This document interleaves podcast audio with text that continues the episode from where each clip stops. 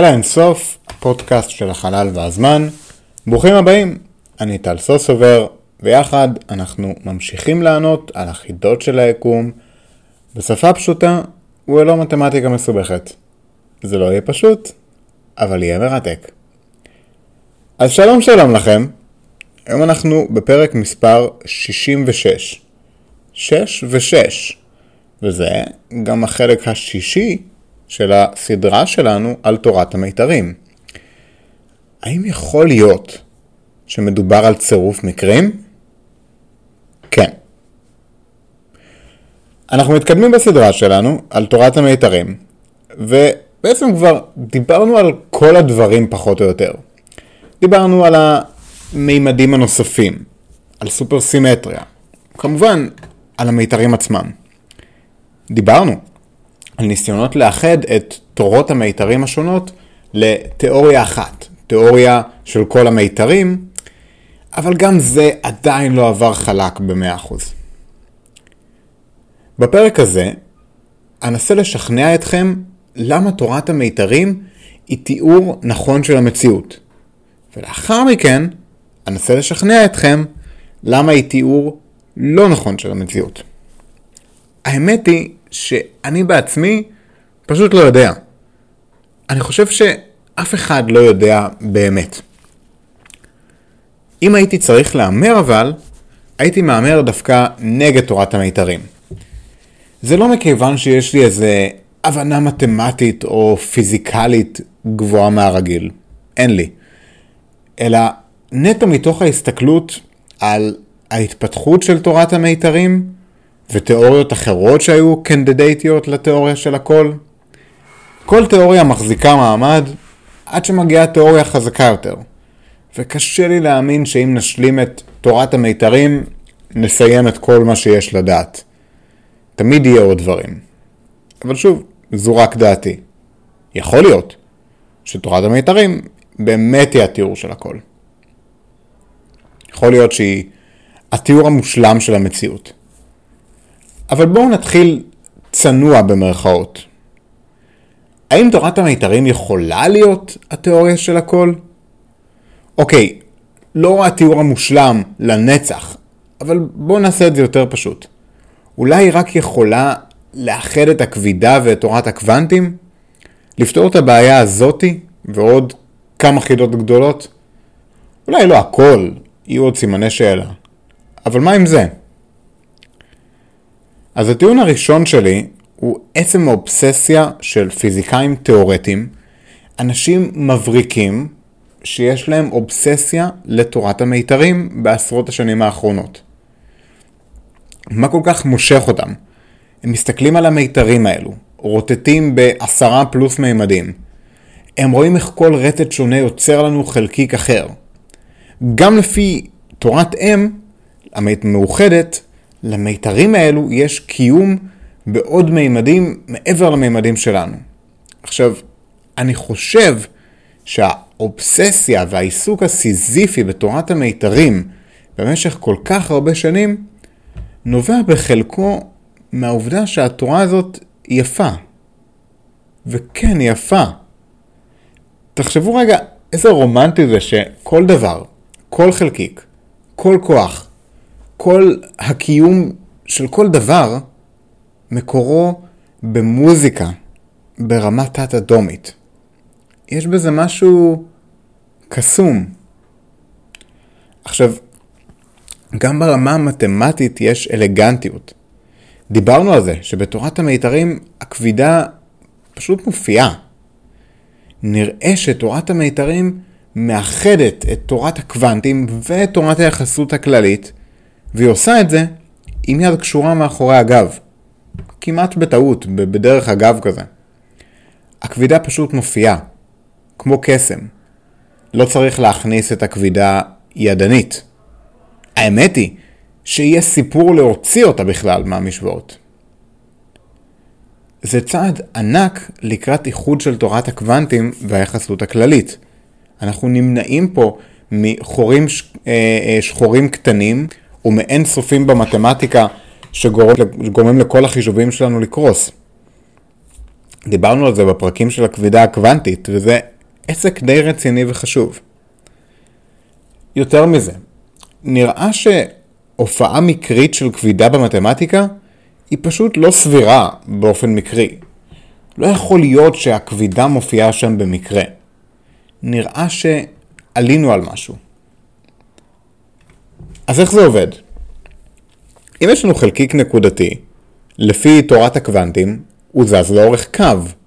הוא זז בזמן ובמרחב. קו ההתקדמות של החלקיק נקרא קו עולם. אם מנסים להכניס קוונטים לדבר הזה, הכבידה עוברת באמצעות גרביטונים. הגרביטונים האלו פוגעים בחלקיק ומשנים לו את קו העולם. לדוגמה, הגרביטון שפוגע בחלקיק יכול לגרום לו לנוע יותר במרחב בעבור כל יחידת זמן. עד כאן זה בסדר. הבעיה היא שברמות אנרגיה גבוהות אנחנו מקבלים אינטראקציות עם אינסוף לופים בין הגרביטון לשדה שלו עצמו. למה זה קורה? זה קורה כי אנחנו מנסים לתאר את כוח הכבידה בנקודה מסוימת, והיא קטנה מאוד בהגדרה, כי זה חלקיק, ואז בנקודה הזאתי, כוח הכבידה יכול לקבל ערכים גבוהים. מעל ערך מסוים, אז יש לנו יותר מדי אנרגיה בנקודה קטנה, והתוצאה היא חור שחור. זה חור שחור מוזר, כי המציאות לא מורכבת מאין ספור חורים שחורים. וזו בדיוק הבעיה של איכות תורת היחסות ותורת הקוונטים. אנחנו יודעים שאין חורים שחורים קטנים כאלו, אבל אנחנו לא יודעים מה יש. לאור כך שאין, ולאור כך שהתיאוריות שלנו מנבאות שאמור להיות, אפשר להגיד שמשהו לא טוב בתיאוריות שלנו. אז בואו נסתכל על הסיפור הזה של הכבידה הקוונטית במונחי תורת המיתרים. מה אנחנו יכולים ללמוד מפה? לפי תורת המיתרים, כל החלקיקים הם לא נקודות, הם קווים או טבעות או ממברנות.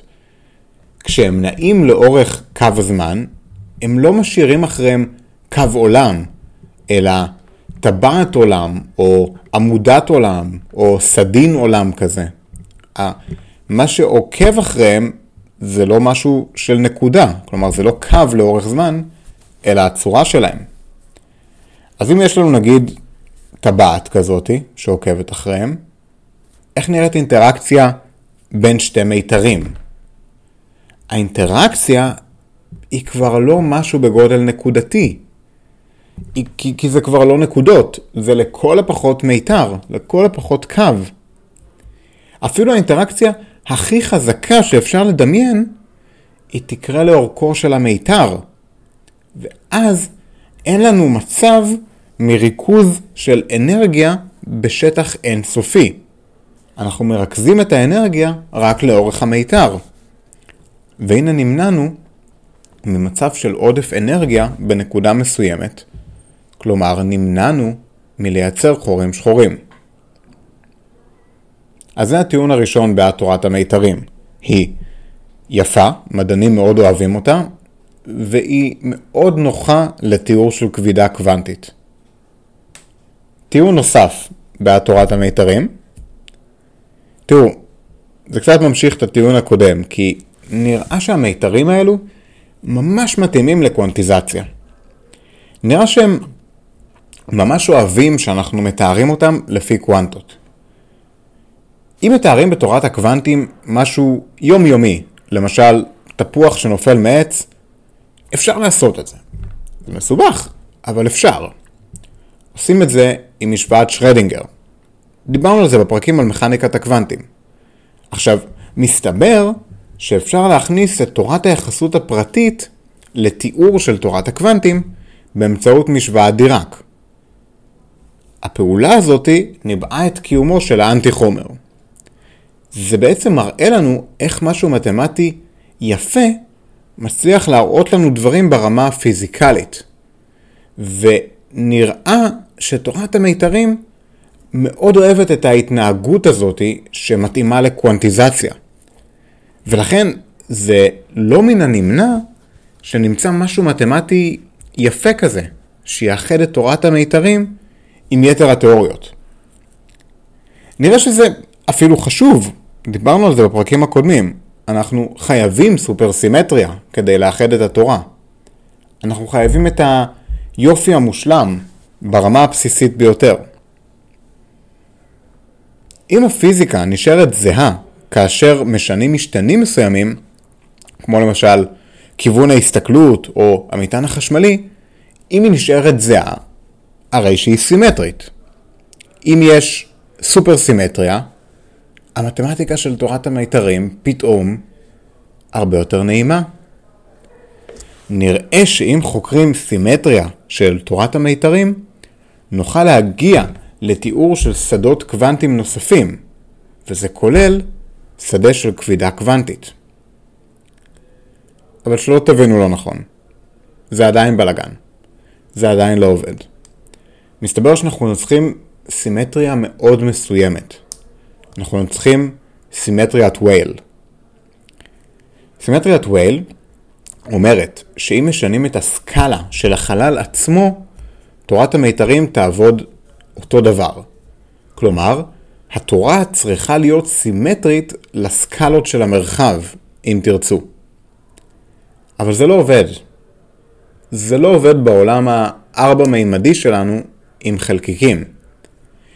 מסתבר שזה כן עובד אם מסתכלים על עמודות העולם או טבעות העולם של המיתרים. זה קצת מוזר, אבל נראה שיש סימטריה מסוימת שמאפשרת להגדיר את הסקלות של שטח הפנים של טבעת העולם של כל מיתר, איך שנרצה. זה מאפשר לנו לכתוב משוואות נעימות ורקות שמתארות את המיתרים. זה מאוד נוח לחשוב על זה ככה. המיתרים יכולים לעבור קוונטיזציה בצורה כזו שאובייקטים אחרים פשוט לא יכולים. זה מאוד מתאים למה שאנחנו רואים סביבנו, שזה טוב, וזה מתאים לאיך שהכבידה אמורה להתנהג לפי מכניקת הקוונטים, שזה כבר מצוין. מכאן, עם סימטריית וייל והכבידה הקוונטית, אפשר לתאר את התנודות של המיתרים, ומסיבות מתמטיות אנחנו צריכים להכניס כבידה דו-מימדית, שהיא מעין הקרנה של הכבידה התלת-מימדית על המיתרים עצמם. עכשיו, אפשר לראות את זה כסוג של מחיר שאנחנו משלמים על המעבר מנקודות למיתרים. עם המשוואות האלו אפשר לנבא את השפעת הכבידה הקוונטית על המיתרים. התנודות האלו של המיתרים בהקשר של הכבידה הם חלקיקים, והחלקיקים האלו נראים כמו גרביטונים. גרביטונים הם חלקיקים תאורטיים, היפותטיים, שנושאים כבידה. אם מתארים את תורת המיתרים באזורים ניטרליים, כלומר לא באמצע חור שחור או ברגע תחילת היקום, הגרביטון מתאר לנו עולם שזהה למה שהיינו מקבלים אם היינו מתארים אותו לפי תורת היחסות הכללית של איינשטיין. אנחנו נמשכים לתורת המיתרים בגלל האלגנטיות של המתמטיקה, ובגלל שנראה שיש המון רמזים לכך שהיא מתכנסת ללהיות התיאוריה של הכל. אבל האם תורה כל כך עשירה מתמטית ופיזיקלית בכלל רלוונטית למציאות שלנו? או שאנחנו מסתנוורים מהאלגנטיות של תורת המיתרים? תראו, הטיעונים שלנו בעד תורת המיתרים נעו סביב יופי וסדר, וזה נשמע לא רע, שלא תבינו לא נכון. בהרבה דברים בפיזיקה, יופי הוא המפתח לאמת. וזה משפט יפה וגם נכון. אבל האם נכון לרדוף אחרי יופי, גם אם היופי הזה הוא שגוי? הרמן ווייל אמר פעם, אם אני צריך לבחור בין יופי לבין האמת, אבחר ביופי. הוא אמר את זה בתגובה לאיינשטיין, כאשר הוא כפה על תורת היחסות הפרטית של איינשטיין סימטריות מסוימות. איינשטיין לא היה מרוצה מזה. הוא לא היה מרוצה כי התוצאות לא היו הגיוניות. המתמטיקה היפה לא הייתה נכונה במציאות. הבעיה היא שקשה לשחרר מרעיונות של מתמטיקה יפה ולהבין שהם פשוט לא המציאות. האמת היא שבמקרה של וייל, הרעיון שלו לסימטר... לסימטריה היפה במתמטיקה עבדה. כשאנחנו מסתכלים על מקרה מאוד מסוים של מיתר בתורת המיתרים, אנחנו רואים את הייחוד בין תורת הקוונטים לתורת היחסות. אבל עדיין זה לא מספיק כדי להגיד שיש לנו את התיאוריה של הכל. עדיין לא. התיאוריה יפה ורומנטית, אבל יש איתה לא מעט בעיות. תראו, תורת המיתרים היא שם כללי להתכנסות של הרבה מאוד תיאוריות. כפי שהצגתי בפרקים הקודמים, אין לנו עדיין תורת מיתרים אחת. לכן, אנחנו מסתכלים על אוסף של תיאוריות ובוחנים איך הן מתכנסות למשהו. אם נחזור יותר ממאה שנה לעבר, שנת 1919, מעט אחרי שאיינשטיין פרסם את תורת היחסות הכללית, תיאודור קלוזה גילה משהו מוזר. ודיברנו על זה בפרק הקודם. הוא שיחק עם תורת היחסות הכללית בחמישה מימדים, כי למה לא? הוא גילה שמקבלים בדיוק את הכבידה של איינשטיין ביקום הארבע-מימדי שלנו, פלוס שארית. השארית הזו, עם קצת ליטוש מתמטי, היא משוואת מקסוול לאלקטרומגנטיות. נראה שהכבידה במימד החמישי יוצרת אלקטרומגנטיות שנקלט בארבעת המימדים האחרים. איינשטיין לא אהב את הפתרון הזה. הרי אין חמישה מימדים, אז למה לדבר על השטויות האלו? בשנות ה-20 של המאה ה-20, אוסקר קליין תיאר עולם עם חמישה מימדים, כאשר אחד המימדים קטן מאוד, קטן בגודל 10 בחזקת מינוס 13 מטר, והמימד הזה בלופ סביב עצמו. דיברנו על זה. יש לנו את הלופים האלו, וכשאנחנו מזיזים את היד שלנו במרחב, אנחנו עוברים דרך אין ספור לופים של המימדים הנוספים. הדימוי שנתתי לכם הוא הדימוי של העברת מזוודה על מסוע בשדה התעופה. הגלילים של המסוע מסתובבים המון פעמים, אבל עבור המזוודה, שהיא גדולה, היא פשוט מתקדמת ישר. עכשיו, הניבוי הזה על קיום מימדים נוספים לא היה רק יפה מתמטית, אלא גם אפשר לנו לבחון דברים אשכרה. זה גילוי מדהים, וזה גילוי יפה, והניבוי שלו הוא לגבי היחס בין המטען החשמלי של האלקטרון והמסה של האלקטרון. בהנחה שאנחנו מבינים את המטען החשמלי של האלקטרון, כי זה באמת אחד הדברים שמדדנו באופן מדויק הכי הרבה פעמים. אנחנו מבינים שהמסה של האלקטרון אמורה להיות סביב חמישה קילוגרם. זה כנראה לא נכון, במרכאות כפולות, ויש עוד הרבה בעיות. אמור להיווצר עוד שדה, שדה הדילטון, עם חלקיק שמזמן היינו אמורים לראות ולא ראינו. מכאן נראה שאין מה להמשיך לחקור מימדים גבוהים. הם פשוט לא שם. אבל אנשים המשיכו, מדענים המשיכו. המשיכו להכניס מימדים נוספים למתמטיקה, להכניס צורות מוזרות למימדים האלו, וכמובן, המיתרים עצמם. כאשר בנו את התיאוריות לפי מימדים נוספים ומיתרים, על אף שלא ראינו את המימדים האלו, זה עדיין לא הספיק בשביל לתאר את המתמטיקה. היינו צריכים להכניס עוד אלמנט, הכדור השלישי ב juggling, סופר סימטריה. סופר סימטריה, אותה סימטריה חמקמקה בין פרמיונים לבוזונים. ביחד, שלושת הכדורים האלו אמורים להסביר את ההבדלים בין הכוחות והחלקיקים בפיזיקה.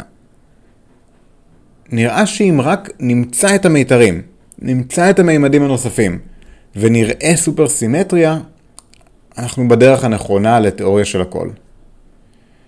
וזה בדיוק העניין, שבשנות ה-80 באמת נראה שיש לנו המון הבטחות, המון רעיונות, אבל כמעט ואין תוצאות. דיברנו על זה. הגענו לחמש תורות מיתרים מוזרות, בשנות ה-90 נוצר הייחוד לתורת אם, אבל עדיין כל התורות דורשות עוד מימדים במרחב. יש להם חילוקי דעות על צורת המיתרים וצורת המימדים וסוגי הסופרסימטריה, והן סותרות בהרבה מאוד דברים. בטח אי אפשר להסתכל על הבלגן הזה ולהגיד שהוא אלגנטי או רומנטי. תורת אם הצליחה להחזיר את הדברים קצת לקווי היופי והרומנטיקה. עכשיו, לפי התורות המעודכנות של תורת המיתרים במאה ה-21, העוצמה האנרגטית של המימדים תלויה במקצב של הרטט ובאורך המיתר. מיתר ארוך, באופן כמעט טבעי, מייצר יותר תנועתיות סביב המימדים הנוספים. על כן, יש שתי דרכים להגיע למיתרים בעוצמה גבוהה. רטט גבוה או מיתר ארוך, או שניהם. נראה שמתמטית שני הרעיונות זהים במהות שלהם. שני הרעיונות מצביעים על מומנט גבוה. על כן, אפשר לבנות תיאוריה שתתאר את זה. תיאוריה לפי המומנט. בהתאם למומנט, אם הוא עולה או יורד, וגודל המיתר, ועוצמת הרטט, היא תראה מה יתקבל. יש לנו שם לזה. דואליות. דואליות היא מצב בו שני תיאורים סותרים של תיאור אותה המתמטיקה מובילים לאותן התוצאות. וכאן יש לנו בעיה. ההופעה של הדואליות הזו אומרת לנו שאנחנו לא יכולים להתייחס ברצינות לפרשנות הגיאומטרית של המתמטיקה שקיבלנו. התוצאות זהות. מה קורה עם המיתר? הוא ארוך או חזק? קשה לדעת. הבסיס לדואליות הזו היה חלק מהבסיס לתורת אם. עכשיו, דואליות נוספת שמופיעה היא הדואליות בין עוצמת האינטראקציות בין החלקיקים, ונראה שהדואליות הזו גם כן מובילה לייחוד ולתורת אם. כי שוב, היא מראה לנו שהתיאוריות נובעות מאותו מקום. דיברנו בפרק הקודם על וויטן, על איך הוא ייחד ויצר את תורת אם. זאתי הגאונות שלו. אבל אנחנו חוזרים לאותה בעיה. תורת המיתרים, תורת אם, ב-11 מימדים, עם סופר סימטריה, אמנם נראית יפה, ולרגע נראה שהעולם יפהפה, מושלם, נקי ואלגנטי. אבל זה היה ב-1995. חלקכם לא נולדתם אז. עברו 25 שנה. מה קרה מאז? איך התקדמנו? תורת אם פשוט לא עוזרת לנו. היא מתארת דברים קטנים מאוד בצורה מאוד מסוימת, אבל היא לא משאירה לנו הרבה מקום לבחון את ההשפעות שלה. בכל תורת הסופר סימטריה, הצורות של המימדים הנוספים יכולות להיות כמעט אינסופיות, הרבה יותר מכל החלקיקים ביקום. יש כל כך הרבה גיאומטריות אפשריות כאלו. אנחנו מדברים בדרך כלל על משהו לפחות 10 בחזקת 500. וכנראה שהמספר האמיתי קרוב יותר ל-10 בחזקת 100 או 200 אלף. כל גיאומטריה שנבחר מתוך אין ספור האפשרויות האלו, תיתן לנו תוצאות מאוד שונות. נראה שקשה להבין מי מהתוצאות מתאימה ליקום שלנו. זו בעיה גדולה. במובן הזה, המודל הסטנדרטי, המציאות שלנו, היא נמצאת איפשהו באין ספור האפשרויות האלה. אין לנו שום הוכחה או סיבה לחשוב למה דווקא היא נבחרה, למה היא מיוחדת. אבל היא שם. והכי חשוב, אין שום ניסוי שתורת המיתרים מציעה לנו שתבחן את זה. אין שום ניסוי שאפשר לעשות שיבחן את העניין הזה של למה אנחנו חיים ביקום המוזר הזה מתוך כל כך הרבה האופציות. בעיה נוספת, סופרסימטריה. אתם מבינים? היינו אמורים לראות כבר משהו, משהו במיצי החלקיקים שלנו, אבל אנחנו לא רואים כלום. יש רמזים של ניסיונות לאתר חלקיקים סופר סימטריים מקרניים קוסמיות, אבל זה לא משהו שאפשר להציג אותו ולהגיד שיש לנו סופר סימטריה. וזה מביך. זה מביך כי תיאוריות על סופר סימטריה מנבאות שמשהו כבר היה מתגלה.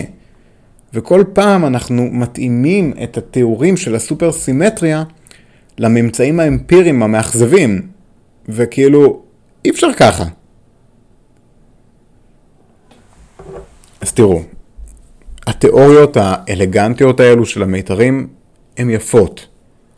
והשאלה הגדולה היא, האם הן אמיתיות? אנחנו לא יודעים. זו אחת הבעיות הגדולות. איך בכלל לבחון את תורת המיתרים? דיברנו על זה בפרק הקודם, ואני חושב שנסכם בזה שזו הבעיה הגדולה ביותר של תורת המיתרים. אי אפשר אפילו לבחון אותה. אז האם תורת המיתרים היא רק יפה, או שהיא גם אמיתית? והאם זה משנה? אוקיי חברים, בואו נסכם את הפרק. אז בפרק הזה רציתי להציג לכם קצת טיעונים בעד וקצת טיעונים נגד תורת המיתרים. מבחינת הטיעונים בעד, יש קסם מסוים בתורת המיתרים. תורת המיתרים באופן טבעי כמעט מייצרת את, לא, לא כמעט, היא באופן טבעי מייצרת את כוח הכבידה. היא נוחה מאוד לכבידה קוונטית ויש לה יופי מסוים בסימטריות שלה, במתמטיקה שלה, שהוא, שהוא ממכר, שהוא כיפי להסתכלות והוא מעניין. ואני מזכיר לכם את הרמן וייל, אם אני צריך לבחור בין האמת לבין יופי, אני בוחר ביופי. וזה בדיוק גם הביקורת על תורת המיתרים, המיקוד שלה ביופי. עם כמה שתורת המיתרים יפה, יש לה צדדים מכוערים. לדוגמה, הניבוי על כמות היקומים העצומה, הניבוי על ההרכבים השונים של היקום. ויש איתה המון בעיות. כשהבעיה העיקרית עם תורת המיתרים היא שא', אין לנו תורת מיתרים שלמה עדיין, וב', אין, אפילו אם יש, אפילו אם יש חלק מתורת המיתרים, אין לנו שום דרך לבחון אותם. אפילו תיאורטית, אין כל כך רעיונות איך לבחון את זה, למעט סופר סימטריה, שבינתיים הבחינות האמפיריות מצביעות לנו על זה שאין סופר סימטריה. תורת המיתרים יכולה להיות שימושית. אבל האם היא התיאוריה של הכל? קשה לדעת. אפשר ללמוד את תורת המיתרים מספיק כדי להתקדם לתורה הבאה. אולי. ואולי לא, אולי נגלה משהו שישנה את התפיסה שלנו. צריך להיות מאוד מאוד צנועים ולקבל את זה שדעתנו תשתנה כנראה עם כל מחקר שיתפרסם, שיראה משהו חדש. כי זה באמת טריטוריה לא מוכרת. אנחנו יודעים בוודאות שיש בעיה באיחוד של תורת הקוונטים ותורת היחסות הכללית. אנחנו יודעים שמשהו שם לא עובד. יכול להיות שתורת המיתרים תעזור לנו לפחות להתקדם צעד אחד קדימה. ויכול להיות שהיא תהיה פשוט יעילה מאוד עד שנגיע לתיאוריה הבאה. תודה רבה רבה לכם על ההקשבה. הפודקאסטים של אלה אינסוף הם יוזמה שלי להנגשת חקר החלל, תורת המיתרים, סימטריה, כל המימדים הנוספים, לכולכן ולכולכם, לא משנה מה הרקע המתמטי שלכם, הגיל שלכם, או כל הבדל שתרצו מבין 10 בחזקת 200 אלף ההבדלים ביניכם. סקרנות שייכת לכולכם, לכולנו. אני תמיד שמח לקבל משוב ופידבק על הפרקים, וכן לענות על שאלות שלכם. בנוט של הפרק יש לכם פרטים ליצירת קשר איתי, וכמובן שאתם מוזמנים לעמוד הפייסבוק שלנו בשם אל האינסוף, לעשות לייק, לרשום את תגובתכם ולשלוח שאלות. הפודקאסטים של אל האינסוף זמינים עבורכם בכל אתרי הפודקאסטים, כולל זה שכרגע אתם שומעים אותי דרכו. מאוד מאוד יעזור אם תיכנסו לאפל פודקאסט, ספוטיפיי, תנו לנו דירוג גבוה. זה פשוט עוזר להגיע לקהלים חדשים, ואם אתם חושבים שהתוכנית הזאת היא מעניינת, אז למה לא? פרק כמו זה לוקח לי כמה עשרות שעות של עבודת מחקר, הכנה, הקלטה ועריכה. הפודקאסטים האלו מוגשים לכם בחינם, ובאמת מתוך מטרה להביא אליכם את חקר היקום. אם אהבתם את הפרק, שתפו אותו עם שני חברים. אחד שהוא בעד תורת המיתרים, ואחד שהוא נגד תורת המיתרים. שתפו אותו עם uh, uh, שלדון מהמפץ הגדול, ואני לא זוכר את החברה של הרולד שמה, שהיא נגד תורת המיתרים, והוא בעד, ואז הם נפרדים בגלל זה. אם לא ראיתם את זה, תראו, זה די מצחיק. עד הפעם הבאה, ושוב, תודה, תודה, תודה לכם על ההקשבה שלכם. טל.